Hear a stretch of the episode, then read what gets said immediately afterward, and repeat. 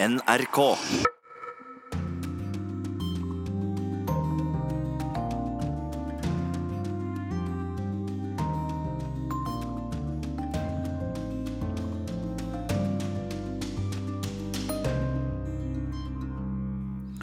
Velkommen til Urix på lørdag. Her i studio, Øystein Heggen. Donald Trump er begeistret etter møtet med sin kinesiske motpart Xi Jinping i dag. Vi følger G20-møtet i Osaka i Japan. Juli blir den heteste måneden mellom USA og Tyrkia på ti år, sier tyrkisk sikkerhetsanalytiker.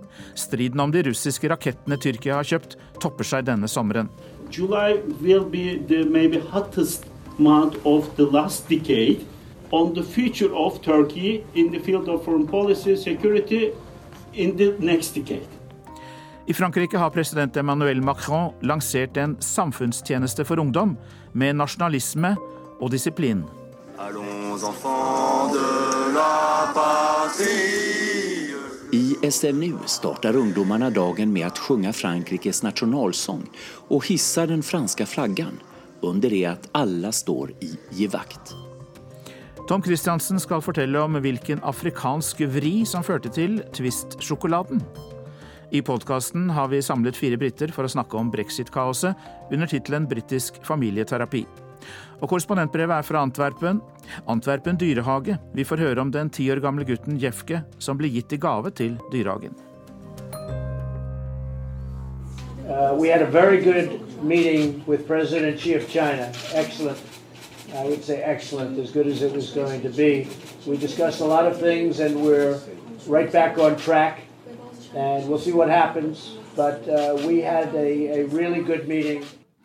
Ja, her hører vi Donald Trump fra G20-toppmøtet i Osaka i Japan i dag. USAs president sier altså at forhandlingene mellom USA og Kina om en handelsavtale er tilbake på sporet.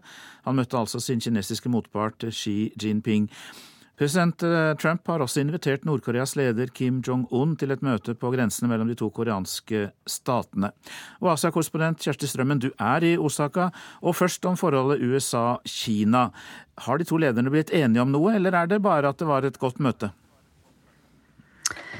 Ja, De er blitt enige om eh, skal vi si, trykke på en pauseknapp for opptrapping av handelskrigen.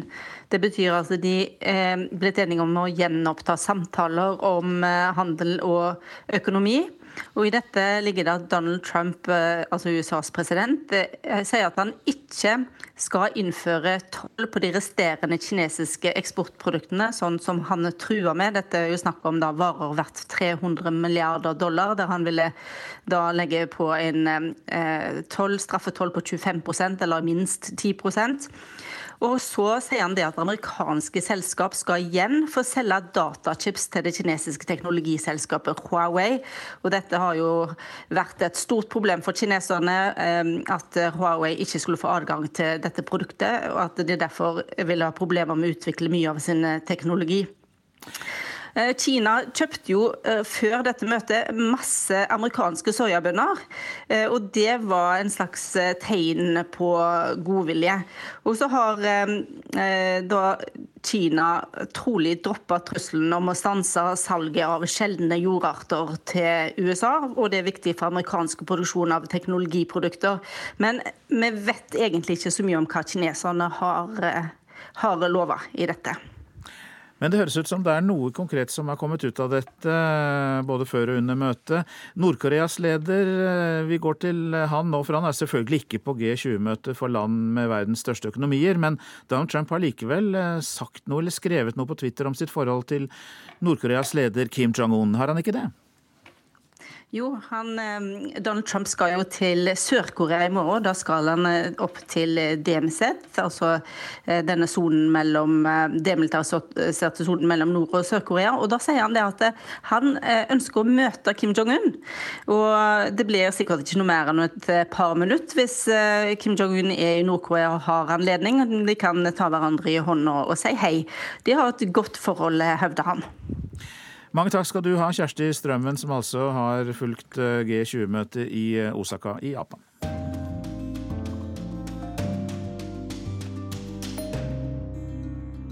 Nå til striden om Tyrkias kjøp av russiske raketter. Dette kan bli den heiteste sommeren i forholdet mellom USA og Tyrkia på ti år. Det var et av utsagnene på et seminar arrangert av Norsk utenrikspolitisk institutt denne uka om tyrkisk utenrikspolitikk. So July will be the maybe hottest month of the last decade, having impact on the future of Turkey in the field of foreign policy, security in the next decade. Dette er Metin Gurkan, en tyrkisk sikkerhetsanalytiker med base i Istanbul. På NUPI-seminaret sa han at juli måned kan bli avgjørende for Tyrkias utenriks- og sikkerhetspolitikk det neste tiåret. USA har stanset alle leveranser av F-35-fly til Tyrkia for å presse landet til å skrinlegge kjøpet av det russiske luftforsvarssystemet S-400. USA og Nato hevder at det ikke er kompatibelt med Natos systemer og utgjør en sikkerhetstrussel. President Donald Trump truer med straffetiltak. Tyrkias president Recep Tayyip Erdogan har avvist kravet. I juli kommer de første leveransene av rakettene til Tyrkia sammen med russiske rådgivere. Analytikeren Gurkan har bakgrunn fra det tyrkiske militæret og har vært offiser i de tyrkiske spesialstyrkene, annet i Afghanistan, Kosovo og Irak. Han skriver for det arabisk-amerikanske nettstedet Al-Monitor, som ifølge sin formålsparagraf forsøker å publisere balansert informasjon fra Midtøsten. The very first high profile visit of NATO after July 15 coup attempt was eight months later. One of those deputy secretary generals visited Ankara. Eight months later. Metin Gurkan mener at Nato og Vesten har behandlet Tyrkia dårlig. Et eksempel han trekker fram her, er at det tok åtte måneder etter det mislykkede kuppet mot Erdogan i juli 2016, før Nato sendte en av sine visegeneralsekretærer til Tyrkia. Landet føler seg sviktet av Vesten, og Russlands president Vladimir Putin noterte seg dette, sier Gurkan. På en dyktig måte har Putin forsøkt å fylle dette tomrommet, og avtalen om salg av luftforsvarssystemet S-400 fra Russland til Tyrkia ser Gurkan som en følge av dette. Først nå forsøker Vesten å rette opp skaden, sier han, men det er for lite og for seint, mener den tyrkiske analytikeren. NATO officials understood that they are doing a strategic mistake thanks to Mr. Putin's counterattacks, and they understood that uh, they are on the brink of losing Turkey. And they are, they are trying to fix things, but I think these efforts too little, too late. Det er krefter i Tyrkia som ønsker at landet skal kunne opptre fullstendig uavhengig og autonomt i sine avgjørelser i forsvars- og sikkerhetspolitikk, sier Gurkan. Det betyr å svekke båndene til de vestlige allierte og innta en slags nøytral posisjon. Han sier det er offiserer i Ankara som nå leser seg opp på fransk historie fra 1966, da president Charles de Gaulle trakk landet ut av det militære samarbeidet i Nato. They are reading about 1960s of France, France, you know, withdrawal from NATO's military wing and possible consequences of it. So would the Gaulle experience be an example for us? They are openly speaking about that. Ja, Det sa den tyrkiske sikkerhetsanalytikeren Metin Gurkan da han var i Oslo denne uka. Og eh, er det sannsynlig da at Tyrkia velger en fransk løsning, trekker seg ut av Natos militære samarbeid, eller kanskje til og med trekker seg helt ut av Nato? En av de som deltok i ordskiftet på seminaret, var også direktør og forsker ved Christian Michelsens institutt i Bergen, Arne Strand. Og jeg snakket med han etter seminaret, som du vil høre så gjorde vi det ute i Oslo sentrum. Og først eh, om bakgrunnen for denne rakettkonflikten. Eh, bakgrunnen skal være at Putin og Erdogan når de møttes, gjorde en avtale om at Tyrkia skulle kjøpe disse rakettene igjen. Da, som så klart blir sett på en direkte provokasjon eh, mot Nato. Samtidig så forhandler han om nye F-35-fly sammen som vi har kjøpt i Norge. Så å liksom ved sentral medlem av Nato å kjøpe raketter fra det som eh, blir sett på som en gryende opposisjon til Nato, er en dårlig strategi i utgangspunktet igjen. da.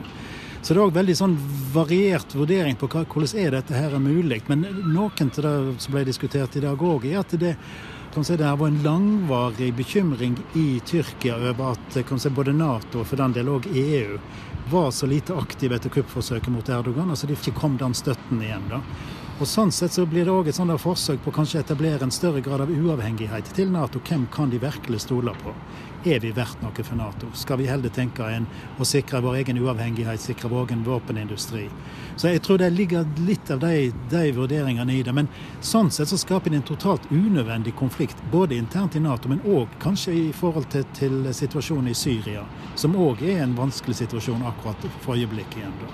Så eh, Det er snakk om leveranser i løpet av, av juli av disse rakettsystemet. Jeg tror det blir lett desperat etter måter å, å, komme unna den type avtaler igjen, for å redusere det. Men leverer de, så eh, har nesten USA ikke noe annet valg enn å begynne å kansellere leveransene av fly. Og det kan toppe seg eh, i løpet av veldig kort tid. Det er vel òg sånn at eh, president Trump ha, skal ha et møte relativt snart med, med Erdogan. og eh, Hvis de følger Trumps taktikk, så hever de nivået, og så sier de at OK, we make a deal. Så, eh, men poenget er at de, de, kan ha spilt helt feil. Og Det tror jeg ikke vi vet før vi har kommet ut i juli. Altså. Men tror du at uh, Tyrkia til syvende og sist ender opp uh, utenfor Nato, eller uh, som et medlem som ikke er fullverdig? Nei, jeg har, jeg har fryktelig vondt for å tro at det er mulig i det hele. Altså. Eh, både for Tyrkia sin del, men òg for hele Nato. De, de er relativt sentrale der de ligger mellom øst og vest. og ikke minst all den utviklingen som er i hele regionen. og Skulle det bli en utvidet konflikt med Iran, så er det òg ekstremt sentral som er posisjonert innad i Nato, og ikke minst regionalt. Samtidig så spiller Russland sitt spill òg. Altså. du ser det flere andre plasser. De trer inn der eh, iallfall USA trer tilbake og gjør seg tilgjengelige diplomatisk, om ikke økonomisk. Så dette er òg er en del av et større internasjonalt bevegelse. Det sa forsker ved Christian Michelsens institutt i Bergen, Arne Strand. Og eh, Trump og Erdogan de møttes også under G20-toppmøtet i dag, og eh, da sa Trump dette. We're looking at different solutions. It's a, it's a problem. There's no question about it. We're looking at different solutions. But I have to tell you, he's a, a NATO member. He's somebody that I've become friendly with. And you have to treat people fairly. Ja, det er ingen avklaring altså, men eh, USA og Tyrkia ser på ulike løsninger, og vi må behandle Tyrkia på en rettferdig måte. Det sa altså Trump i dag etter at han har hatt et møte med Tyrkias president eh, Recep Tayyip Erdogan.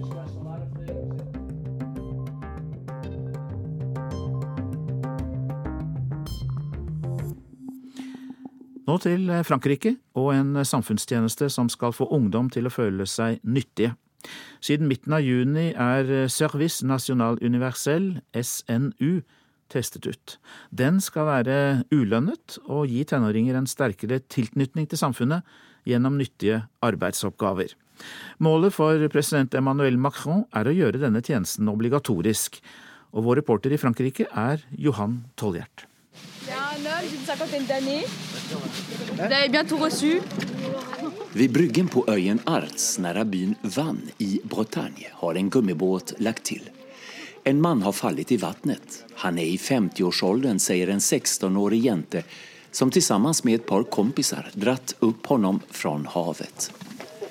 Ungdomarna breder en dyne over honom i gummibåten og er i kontakt med nødsentralen. Har mannen livstruende skador? undrer man på nødsentralen.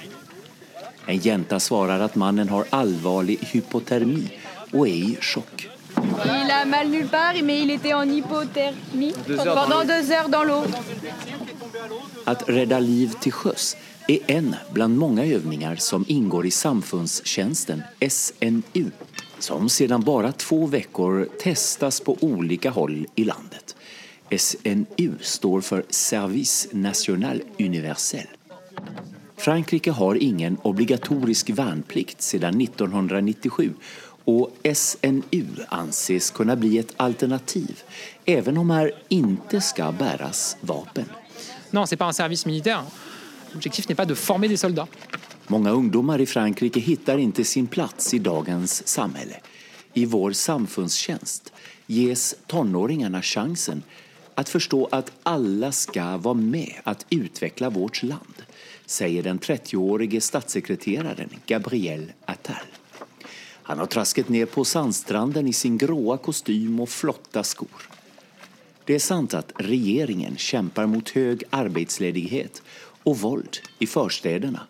På det politiska planet växer extrema högern och på det religiösa planet härjar olika fanatiska rörelser. Terrorismen har slagit hårt mot Frankrike på senare år. Om något händer igen måste var och en kunna pleje människor, säger Gabriel Attal. L'enjeu, c'est euh, de constater qu'il y a des fractures chez les jeunes. Il y a des fractures dans toute la société, mais chez les jeunes singulièrement. Om samfundstjänsten verkligen kommer att bli obligatorisk ska den vara i två veckor. Varje år ska ungefär 800 000 unga utbildas. Men prislappen för projektet har dock fått kritik. SNU kan kosta staten cirka 15 miljarder kronor årligen vilket kunde användas bättre, anser kritiker i ett par ekonomitidningar. Tonåringarna här i Bretagne har själva valt att komma hit. C'est un stage supplémentaire qui nous éduque euh, en plus, qui nous apprend en plus et qui pourra nous aider à passer dans la vie adulte. Jag har lärt mig massor om livet som varken skola eller föräldrar lyckats förmedla hittills. Samfundstjänsten kommer nog att göra det enklare för mig att bli vuxen, tror gymnasieeleven Anna L. Rädda liv, möta naturen och lära sig tala offentligt är några saker hon varit med om. Je voulais euh, apprendre les premiers secours, servir à quelque chose. Allons enfants de la patrie. I SNU startar ungdomarna dagen med att sjunga Frankrikes nationalsång och hissa den franska flaggan under det att alla står i givakt. Detta har dock mött hård kritik. Vissa oppositionspolitiker mener at det vekker onødig nasjonalisme i et land der extremgrupper håller på å få et alt sterkere feste. Men et par sociologer håller ikke med. De anser at sång av Marseillesen kan øke ungdomarnas kjærlighet for fosterlandet, altså fedrelandet, og da er det i stedet en fråga om patriotism, hvilket har en bedre klang. Alla gutter og jenter er forresten kledd i sportig uniform med t-shirt, joggingbukser og keps, skuggelue. Her viser seg ingen fram i dyra merkeklær, utan vi er alle like, og det er bra, syns Miriam. Tous pareil, il n'y a pas de différence en mode toi tu t'habilles en marque et pas toi, donc toi je t'aime pas et tout ça. Non, vraiment c'est hyper bien. För ett kort ögonblick tar hon av sin skuggelue men sätter snabbt på den igen. Vi får inte lov att ta av den. Det är förbjudet. För här råder viss disciplin, förklarar hon för mig. Militärer och skollärare leder samfundstjänsten. Stefan Tané är före detta militär och han tycker det är viktigt att lära tonåringarna disciplin. Men inte bara. La mixité sociale et géographique. Det viktigaste av allt är ändå att här möts rika likväl som fattiga samt unga av olika religioner, säger han under det att båten drar tilbake til fastlandet. For målet er jo at alle skal kunne fungere sammen i vårt samhälle. Parce que l'idée, c'est le bien vivre ensemble.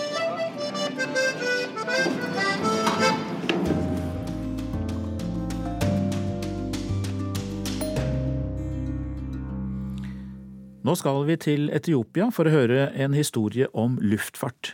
Vi skal tilbake til grunnleggelsen av Ethiopian Airlines og til historien om en sjokoladebit. Og den vil Tom Christiansen fortelle. Det var noen år etter den annen verdenskrig. Europa slikket sårene, og Afrika prøvde å reise seg. I Etiopia hersket keiser Haile Selassie, og blant alt nyttig landet trengte, var også et flyselskap. Det hadde ikke Etiopia råd til, så keiseren ba USA, Storbritannia og Frankrike om hjelp. Det fikk han, og rundt 1950 kjøpte det nystartede Ethiopian Airlines tre DC-treere, og de hørtes slik ut.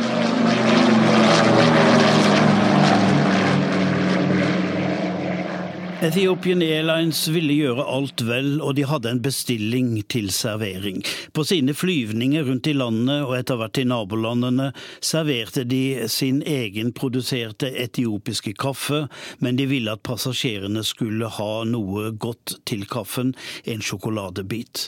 Temaet om sjokoladene må på en eller annen måte ha blitt brakt på bane i 1954, for da kom keiser Haile Selassie til Oslo Oslo med en stor delegasjon. Det var tette bånd mellom Norge og Etiopia. Kongen og keiseren kjente hverandre fra felles opphold i London under krigen, og norsk misjon hadde vært i Etiopia i allerede åtte år. Keiseren hadde med seg gaver. Oslo kommune fikk spyd og støttenner fra elefanter, og når keiseren kjørte rundt i åpen bil, kastet han gullmynter til barna. Ungene hadde fått beskjed om å tiltale ham som lamperør, keiser, forenklet til lamperør. Det må ha vært da det skjedde. Ethiopian Airlines ledelse henvendte seg til Freia sjokoladefabrikk for å høre om de kunne levere sjokoladebitene hygienisk innpakket. Selveste sjokoladedirektøren Harald Trone Holst var med på forhandlingene, og kom på at de jo hadde en gammel maskin fra 20-tallet som kunne vri endene av papiret for innpakking av sjokolade. Den ble hentet fram og tørket støv av, så kunne produksjonen sette i gang. 16 typer sjokolade ble tvinnet inn i papiret, her var både drops og sjokoladetrukne karameller, lekkeriet havnet etter hvert på de små flybordene om bord i Ethiopian Airlines. Etter en tid ble SAS interessert og skaffet seg de samme sjokoladebitene.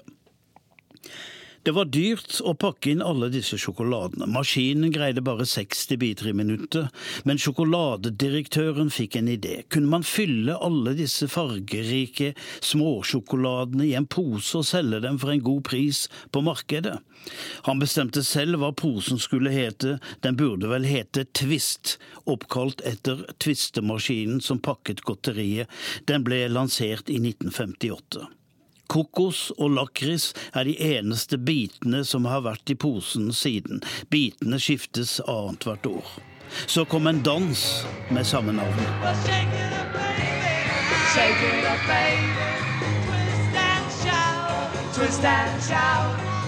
Beatles sang 'Twist and Shout', og så kom fjernsynet, og folk satt i sofaen med en pose Twist, markedsført som Smaken er forskjellig, det er derfor alle liker Twist. Men Twist er ikke for alle. I fjor endret de oppskriftene, og posen inneholder nå sjokolade med animalsk gelatin. Dermed strøk Det mosaiske trossamfunn Twist fra lista over koshermat. Twist er heller ikke halal lenger, så jøder og muslimer må finne annet godteri. Veganerne er også ute. Imens har Etiopien Airlines åpne flyruter fra Oslo til Addis Abeba, men jeg har ikke sett en tvist om bord. Du lytter til eh, Urix på lørdag. Vi tar med siste nytt fra demokratenes nominasjonskamp i USA. Camilla Harris er vinneren i den første meningsmålingen etter at kandidatene møttes til de første TV-debattene denne uka. Joe Biden er den store taperen. Meningsmålingen, gjort av Morning Consult for nettstedet 538, gir Harris 17% Hun går opp fra 7% før debatten. Ganske motsatt er det for tidligere visepresident Joe Biden, som går tilbake med 10 prosentpoeng. Og han har nå en oppslutning på 31% Og Vi tar også med at Bernie Sanders går litt fram til drøyt 17% Elizabeth Warren går også fram på denne målingen og har nå drøyt 14% oppslutning ifølge altså meningsmålingen fra Morning Consult. Vi skal til ukens korrespondentbrev, og Philip Lote, du er avsender, og brevet er postlagt rett ved inngangen til dyrehagen i Antwerpen. Ja, og det er ikke et dypt personlig brev, men noe man kommer over og har lyst til å fortelle litt om. Og det handler om et foreldreløst barn. Ja, om en liten gutt som i løpet av kort tid la Antwerpen for sine føtter, men hvis suksess ikke var helt uten en kostnad og en litt mer alvorlig bakside. Da åpner vi korrespondentbrevet.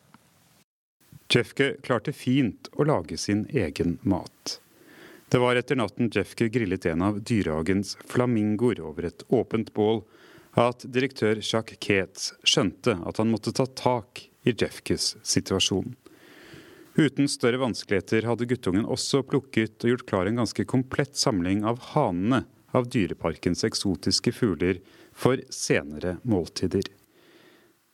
Dette er slik beretningen om Jeffke er gjenfortalt. Hvor presist alt er gjengitt og nedskrevet, er usikkert. Men livet til Jeffke handlet aldri om nøyaktighet. Det er mysterier som aldri vil bli oppklart i livet til gutten som kom til Antwerpen ti år gammel. Men det var aldri egentlig noe slør av mystikk knyttet til Jefke. Guttens liv, og senere den voksne mannens virke, handlet om utilslørt dyrking av det eksotiske. I 1845 legger skipskaptein Meyer sin skute til havn i Antwerpen. Om bord har Meyer en samling eksotiske fugler. Han har også en ti år gammel gutt, en boy, som under seilasen jobbet som kapteinens tjenestegutt. Den sjeldneste fuglen kaptein Meyer hadde om bord, var en liten negerunge, står skrevet i et brev fra rundt 1850, i dag bevart i Antwerpens arkiver. Kaptein Meyer gir fuglene og gutten i gave til Antwerpen Zoo. I bytte får kaptein Meyer gratis inngang til dyrehagen ut livet. Antwerpen Zoo er et av verdens eldste. Det åpnet i 1843 og ligger ennå på samme sted i midten av byen, rett ved togstasjonen Sentral. I oppstarten ble det stilt ut både levende og utstoppede dyr. De fleste gitt i gaver av seilere som hadde med seg dyrene da de la til i en av Europas travleste havner. Jeffke ble kjøpt som slave i Nigeria av kaptein Meyer, men kom opprinnelig fra det som i dag er Sierra Leone. Dyrehagedirektør Jacques Keats var en anerkjent zoolog og botanist. Men han hadde også kommersiell teft. Episoden med den grillede flamingoen skjedde kun dager etter at Jeffke hadde tatt bolig i dyrehagen. Direktør Keats mente at Jeffke måtte få litt mer meningsfylte oppgaver. Svarte Jeffke skal i tillegg til å være oppasser for de eksotiske fuglene stå i porten. En ekte afrikaner ved inngangen til dyrehagen vil forsterke hagens eksotiske karakter, skrev Keats i instruksen til sin nestkommanderende. Jeffke ble ikledd uniform og fikk lange, hvite hansker. Mange kjøpte billett to ganger for å kunne se Dyreparkens største attraksjon på kloss hold mer enn én gang. En billett for fem kostet én belgisk frang, det samme som en dagslønn for en arbeider. Dyrehagen var først og fremst en tumleplass og et sted å bli sett for de borgerlige. Jeffke ble en suksess og en av Antwerpens celebriteter. Året etter, i 1846, ble Jeffke døpt i Sankt Willebrodus kirke, med direktør Keats som verge og gudfar. Han ble innskrevet i kirkebøkene som Josef Møller, men blant folk var han kun Svarte Jeffke eller Jeffke van de Zoologi. KE, altså kø i Jeffkø, er en forkleining, en endelse flamsktalende legger til for å gjøre noe lite eller søtt. At den lille afrikanske gutten Jeff ble Jeffke, er i seg selv et bevis på at han var en person de rundt han tok til seg, en yndling. Likevel var livet til Josef Møller et liv i utenforskap. Satt opp imot dagens offentlige ordskifte sto Jeffke ganske alene om å håndtere sin annerledeshet. Rasisme var knapt et begrep. Egentlig ikke noe en person kunne bli anklaget for å være. Rase, derimot, var et begrep. Da Josef Møller giftet seg, var det med en kvinne som i likhet med han sto litt utenfor. Den 9. mai 1860 står Josef Møller og Johanna Katarina Klas sammen ved alteret. Johanna Katarina, eller Katrinche som hun ble kalt, var jevngammel med sin mann og en prostituert. Hennes faste plass var rett ved inngangen til dyreparken, der Jeffke kontrollerte billetter. Bryllupet ble betalt av assisterende dyrehagedirektør Wekemanns, Den nå litt aldrende dyrehagedirektør Ketz og en annen av Jeffkes beskyttere, baron de Caters, sørget for nok pengestykker i lommene til Jeffke til å starte et hjem. Bryllupet var en av årets hendelser i Antwerpen, og det var stor fest inne i dyrehagen. Det ble danset på bordene, og da de løftet lokket av den enorme bryllupskaken, fløy én svart og én hvit due opp fra kaken. Det smalt i champagnekorker, og det var ellevill jubel. Ekteskapet ble feiret som det første på tvers av rase i Belgia. Jeffke og Katrinche fikk en datter sammen, og Jeffke fortsatte i sin jobb som billettkontrollør. Da en tiger rømte fra dyreparken, deltok Jeffke i det som ble beskrevet som en modig offensiv gjennom byens gater i jakten på villdyret. Tigeren rakk å drepe en eldre mann på sin flukt før den ble skutt og stoppet ut. I mange år var den utstoppede tigeren og dens historie en annen av dyrehagens store attraksjoner. Jeffke fikk medalje for sitt mot. I Belgia står det på mange vis et likhetstegn mellom landets bånd til Afrika og Kongo. Men Jeffke døde tre år før Kongo ble kong Leopolds personlige eiendom og Belgias tid som kolonimakt ble innledet.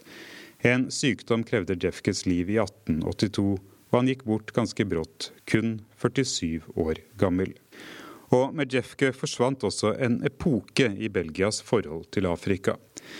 Den offentlige appetitten på svarte Jeffke og hvordan ledende borgere i byen lagde en historie rundt guttens og mannens liv til sin egen fortjeneste, er på ingen måte uskyldig. Den står likevel i sterk kontrast til et kolonivelde preget av utbytting og ekstrem brutalitet. Debatten om Belgias fortid som kolonimakt er fremdeles vond og preget av dyp uenighet. Kanskje derfor er det heller ikke så mye snakk om den lille gutten som gikk i land som skipskaptein Meyers eiendom. I de få artiklene jeg har kommet over, finner jeg ikke noe om hva Jeffke selv tenkte eller sa om sitt liv. Kanskje sa han ikke så mye. Det er vanskelig å tenke seg at han ikke konstant følte på sitt utenforskap. Kanskje kjendisstatusen kompenserte for noe av dette. Kanskje hadde han i sitt tidlige liv sett nok til å vite at det fantes liv som var langt verre for en gutt som han. Det står ingen statue av Jeffke ved porten til Antwerpen Zoo. Jeffke og hans lille familie forsvant nesten like brått ut av Antwerpens historie som han entret byscenen ti år gammel. Det finnes ingen etterkommere. Datteren etterlot seg ingen sikre spor. En versjon er at også hun gikk bort pga. dårlig helse. En annen versjon sier at Jeffke hadde kontakter med keiseren av Kina. Et medlem av keiserens hoff hadde besøkt Antwerpen Zoo på en europareise, og gjennom dette bekjentskapet endte datteren som keiserens konkubine. I det minste etterlot hun seg en historie sin fars liv verdig, og en videreføring av lærdommen om at også i din egen samtid handler din egen historie like mye om myten rundt ens person som det faktiske.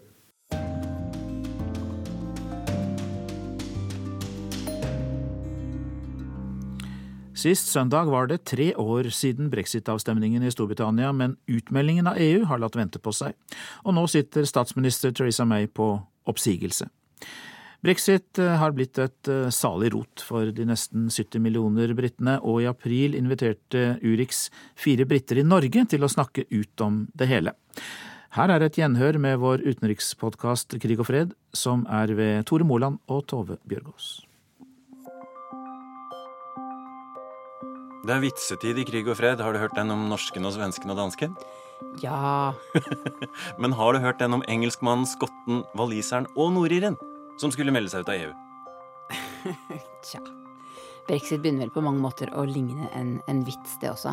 Det er aldri langt fra god komedie til uh, real tragedie, iallfall. Nei, så det er kanskje på tide med litt uh, familieterapi for hele den britiske storfamilien. Order! Order!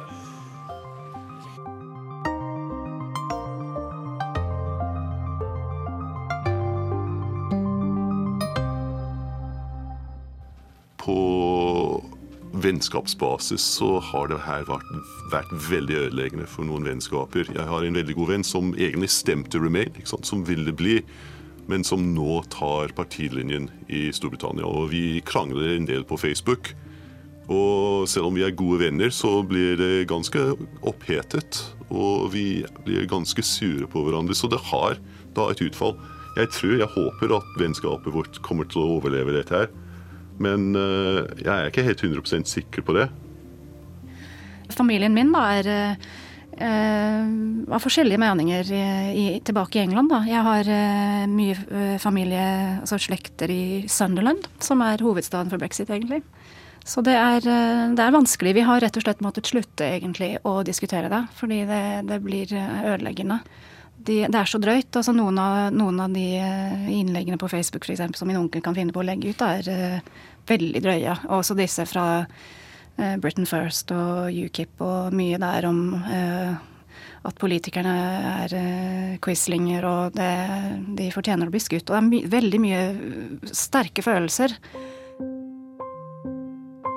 Jeg heter Helen Rist. Jeg har bodd i Norge i 14 år. Og jeg er engelsk, oppvokst i England. Jeg heter Ben McPherson. Jeg er skotte. Jeg heter Arianrød Engebø. Jeg er halvt walisisk og halvt norsk. Ja, jeg heter John Todd Kvam. Jeg kommer fra Nord-Irland. Da jeg sa på morgenmøtet i utenriksredaksjonen at jeg hadde invitert en engelskmann, en skotte, en nordire og en eh, waliser, så sa de det høres ut som begynnelsen på en vits. Hvordan går den vitsen? En engelskmann, en skotter, en nordirer og en waleser går inn i en pub. Eh, og så vil engelskmannen dra, så alle må dra. det er ikke så morsomt. jo, men det oppsummerer ganske presist hva mange føler. I hvert fall i Skottland. Mm. Ja, og i Nordirland, ja. Ja, jeg syns den eh, som er best, er eh, det som har nå oppstått i mange forskjellige språk. Og det er en ny verb som heter å brexite. To brexit. Mm. Eh, og det er da å si ha det uten å dra. ja, og det var selvfølgelig den uh, fantastiske franske politikeren som kalte katten sin for brexit. For at hun åpner døren for katten, og katten bare står der og mjauer. Hvis dere da nå skulle ha sjansen til å si et eller annet til resten av verden, hva føler dere for å si? Don't judge us. Nei, men de må. Ja. Hjelp oss. Ja, hjelp oss.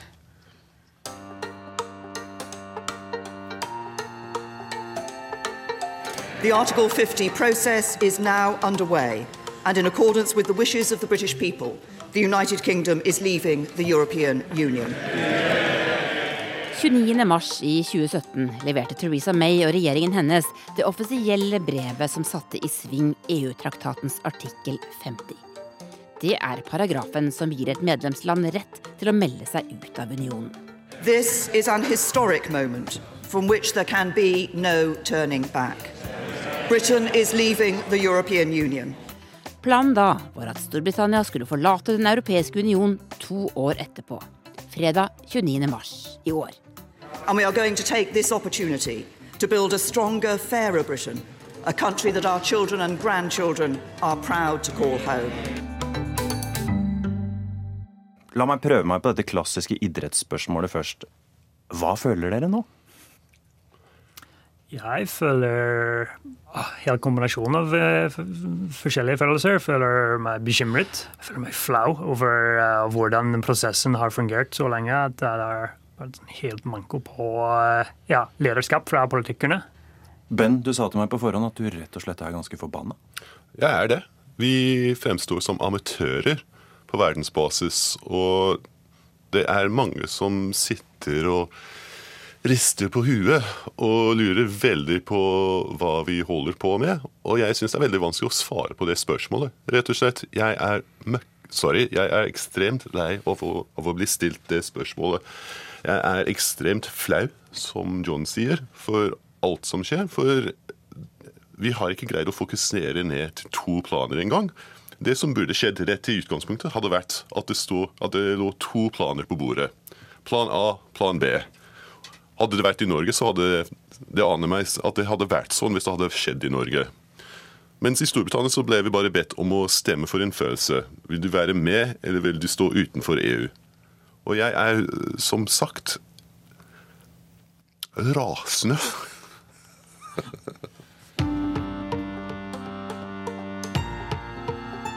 Brexit means Brexit, and we're going to make a success of it. Brexit means Brexit. I'm very clear Brexit does mean Brexit. As he says, we will make a success of it.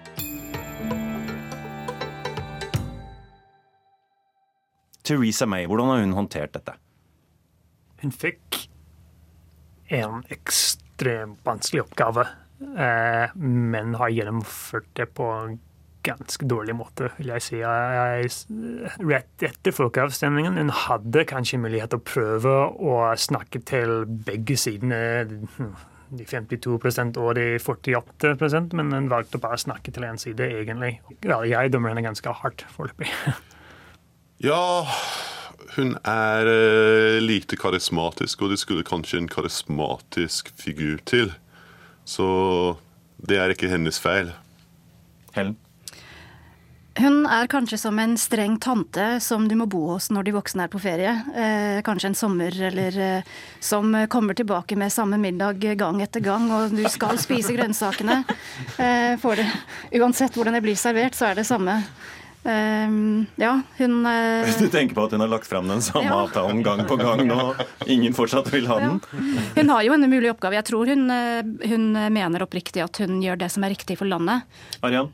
Altså, jeg tenker at hun har fått en helt umulig oppgave fra starten av. Og at det har vært jo veldig mange hiccups along the road liksom, som har gjort at det har blitt vanskeligere og vanskeligere. Om hun har gjort det som har vært helt rett hele tida, det er ikke jeg så sikker på, men jeg tenker med den oppgaven hun har fått, så tror jeg det er veldig vanskelig å få et uh, veldig godt resultat uansett, på en måte. Hva med resten av det konservative partiet? Ja, de setter personlige ambisjoner over landet, i stor grad. At det er mye som må for å prøve å posisjonere seg for å bli neste statsminister eller neste leder. og ja, det er bare det som de ser på. Det virker som. Ja, helt utspekulerte. Mm. Ja, jeg har ingenting godt å si om Conservative Party. Det, det som er, Den utfordringen er jo Conservatives eh, sprer veldig bredt. da, Fra mm. Ken Clark, som er veldig pro-europeisk, eh, og, og, og, helt til den andre siden så har du Jacob Rees-Mogg. og Det er nesten som å ha fem eller seks partier innenfor ett mm. parti, og det er eh, kanskje problemet Altså hvorfor de ikke klarer å få noe flertall for noe. Hva med den andre siden av eh, parlamentet? Benkene på den andre siden, der Labour sitter? Like dårlige. Stort sett. Uh, Corbyn er også pro brexit, men har aldri greid å være ærlig om sin egen posisjon. Og det gjør det veldig vanskelig for partiet da å ta én linje. Så det har vært veldig vanskelig for Labour Party å stå i opposisjon til brexit. For at de er eh, til dels for brexit, til dels imot brexit. Og det er ingen klar linje, og linjen skifter hele tiden. Eh, Corbyn har vært veldig fokusert på makt på landsbasis og prøver å, å, å finne en måte eh, å snakke så lite som mulig om brexit og være så lite klar som mulig for å prøve å sånn, ri to hester samtidig med tanke på å prøve å vinne det neste landsvalget. Ja.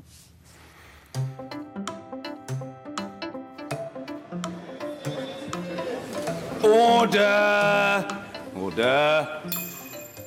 Tre ganger har avtalen den britiske regjeringen forhandlet fram med EU om å melde seg ut, blitt stemt over i Underhuset. The eyes to the right, 202. The nose to the left, 432. Og tre ganger har den britiske nasjonalforsamlingen stemt nei til skilsmisseavtalen. So the nose have it, the nose have it. The nose have it. De som har sagt nei, har vunnet, er blitt rene omkvedet fra speaker John Burkov. Unlock! Helen, du har en liten henger på John Burkov, du? Ja, jeg, han er jo underholdning. Eh, og jeg fleiper av og til at eh, jeg drar hjem fra jobb og setter meg i sofaen og skrur på Parliament TV for å prøve. Altså, det er jo nesten som å binge-se en uh, Netflix-serie. Det er jo skjer så mye spennende hver dag, og han er med i den dramatikken. Men det som skjer i House of Commons er et spill. Det er teater.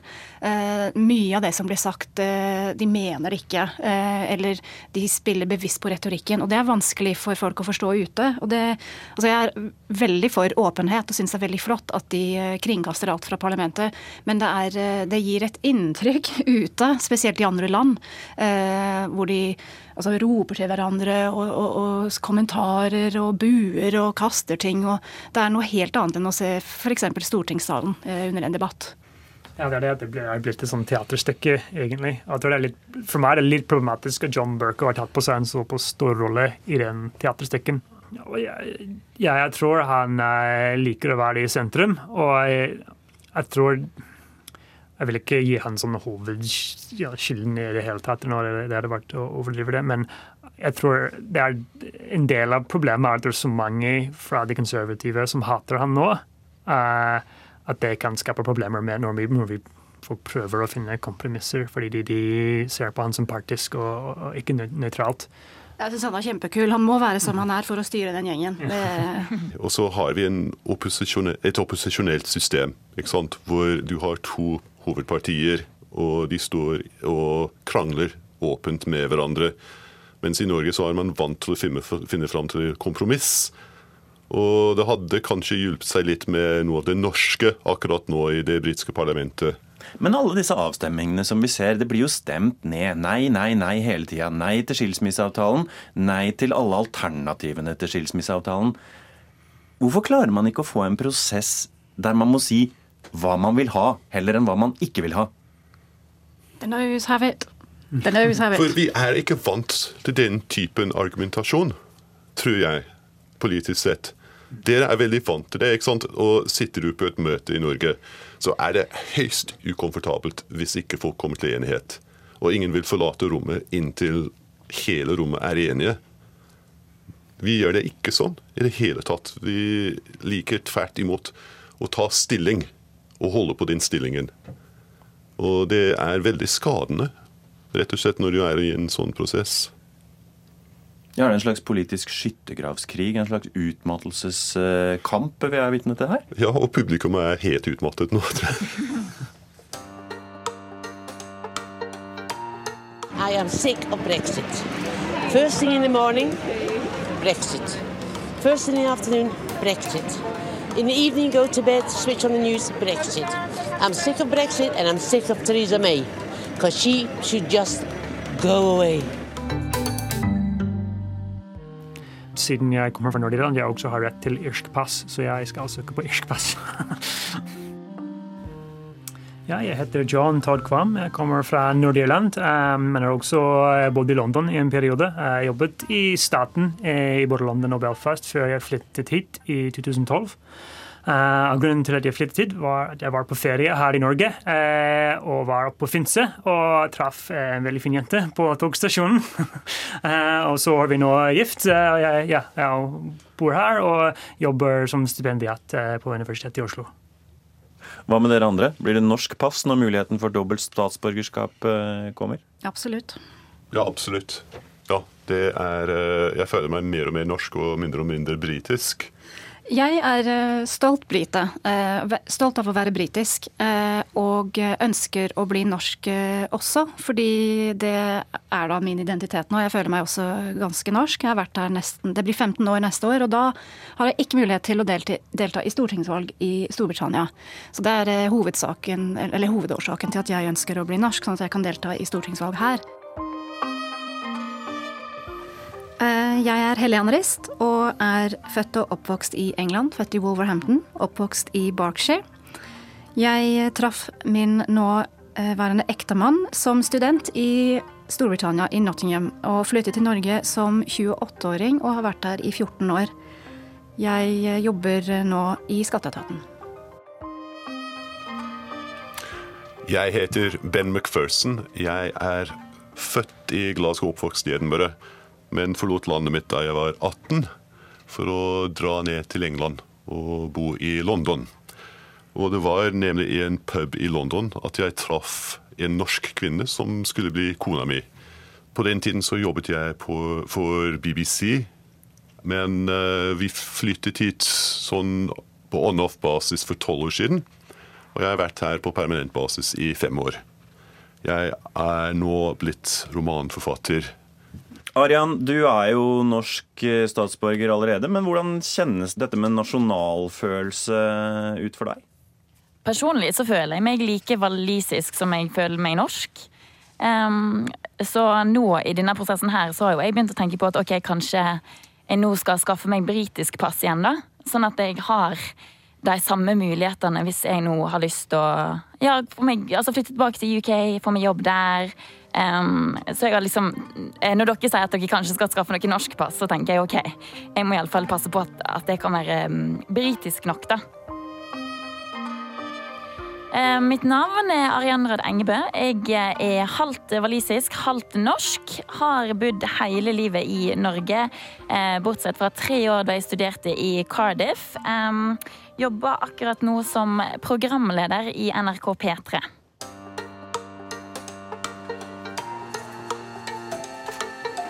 Det var på sankthansaften i 2016 at britene skulle avgjøre sin framtid i Europa med en folkeavstemning. 48,1% ville bli værende i EU. 51,9 ville forlate unionen. This means that the UK has voted to leave the European Union. Men landet var delt. Skikkelig delt. De yngre ville bli i EU, mens de eldre ville ut. Let June the 23rd go down in our history as our Independence Day. England og Wales ville ut av EU. Skottland og Nord-Irland ville bli. Det som eh, frustrerer meg mest i denne situasjonen, her er jo bare det at vi ikke veit utfallet enda, og at det har vært sånn lenge. Um, men um, Du vil bare ha et svar, du? Ja. Men så, sånn, så, når jeg prater med mamma om dette, her, for eksempel, så har jo hun Hun er ikke stressa i det hele tatt. Hun uh, har så vidt vært innom sidene til UD, liksom. Hun tar dette her med knusende ro. Um, Bare regner med at det kommer til å ordne seg? Ja, rett og slett. Så uh, det er veldig ja, interessant at det er så mange at Sånn som så Helen og sånn som så Ben, at dere på en måte tenker på det på en veldig annen måte enn hva hun gjør. det i alle fall. Ja, Ben, du skriver altså romaner, psykologiske thrillere, og da må jeg jo spørre deg, hvor slutter denne historien? Du Jeg skriver ikke farser. Nei, men uh, hvordan det her kommer til å utspille seg, er ikke godt å si, syns jeg. Uh, hvis jeg skulle kommet med et sånt komplott, så tror jeg ikke jeg hadde syntes det var trolig nok. Så jeg hadde skrevet om det hele. Jeg tror at sjansen fortsatt er veldig stor for at vi rykker ut uten avtale. Det er min største frykt. Det er et problem her hvor veldig mange i Storbritannia uh, sliter litt med forskjellige problemer, og det er ting som de er misfornøyd med. Og så har brexit blitt presentert som løsningen. At hvis vi bare melder oss ut av EU, så kommer alt til å bli så mye bedre. Så jeg tror at mye av problemet er egentlig at man håper, eller, har, eller drømmer egentlig, om at uh, brexit kommer til å løse veldig mye annet som uh, bør egentlig fikses i samfunnet. som ulikhet og utdanning og, og, og jobbmuligheter. Det, det, det, er veldig veldig mye som blir pakket inn med brexit-sløyfe på, som ikke egentlig har noe med EU-medlemskap å gjøre. Min frustrasjon er mye mer rettet mot de som stemte på nasjonalfølelse, eller på de som prøvde å utnytte dem som har det kjipt, og som sliter, og som da var mottakelige for de budskapene. Og det er der store deler av min frustrasjon ligger. La meg gripe litt fatt i dette med nasjonalfølelse, som dere er inne på på litt forskjellig vis. Hva er Storbritannia egentlig? Jeg vet ikke lenger. Jeg trodde jeg visste. Jeg trodde vi var i et flerkulturelt samfunn hvor man kunne føle en tilhørighet til Storbritannia eller til Skottland eller til Wales. Men jeg følte at nasjonaltilhørigheten handlet om å akseptere store forskjell på folk. Og nå virker det som om det er blitt mye smalere i den forstand. Ja, jeg tror mange tenkte at det var mulig å ha flere identiteter. Man kunne føle seg nordirsk, irsk, eh, skotsk, britisk, europeisk. At man kunne ha forskjellige identiteter, men at det har vært en sånn motreaksjon til sånn globalisme, hvis man vil, eh, som man ser i andre land. Og, eh, og, at det har vært, som du ser, en sånn begrensning av identitet ned til noe kanskje mindre og, og mindre aksepterende. Um, og at det er politikere som har brukt det for å oppnå sine ambisjoner. Ja, og vi ser det i mange land i Europa for tiden, og det, det er skummelt. Altså, Storbritannia er et eh, land med en fantastisk eh, kreativitet. Eh, det er ikke noe tvil om. Og en historie som med litt bagasje, som vi bærer med oss. Både på forretningssiden og kultur og innovasjon teknologi, utdanning. Det er så mange områder hvor Storbritannia har vært og fortsatt er verdensledende. Det kan være lett å miste litt syn på det, hvis ikke troen på det, når, brexit blir så altdominerende. Så eh, jeg mener at vi må komme gjennom det med minst mulig skade. Jeg vet ikke hva løsningen er der. Eh, for å kunne vise fram alle de gode sidene igjen. Fordi de er der. Og vi må ikke la dem bli gravet ned og, og skjult. Men du er fortsatt stolt av å være britisk, Helen? Jeg er det. Og du høres ut som du kanskje skammer deg litt over å være, være britisk, Ben? Jeg skammer meg over de tre siste åra kan du si. Jeg er uh, stolt Hva skal jeg si Stolt skotte, stolt londoner, stolt europeer. Uh, forhåpentligvis stolt norsk statsborger på sikt. Og jeg håper at det skal gå an å ha disse forskjellige identitetene og fortsette å være britisk. And of this I am absolutely sure you, the public, have had enough. Det vi også blir sikre på etter 22.07, er hvem som skal overta etter Theresa May, om det blir Boris Johnson eller Jeremy Hunt. Takk for at du lyttet til Urix på lørdag. Teknisk ansvarlig i dag, Hanne Lunås. Produsent Andreas Hagen Haakonsen. Her i studio, Øystein Heggen.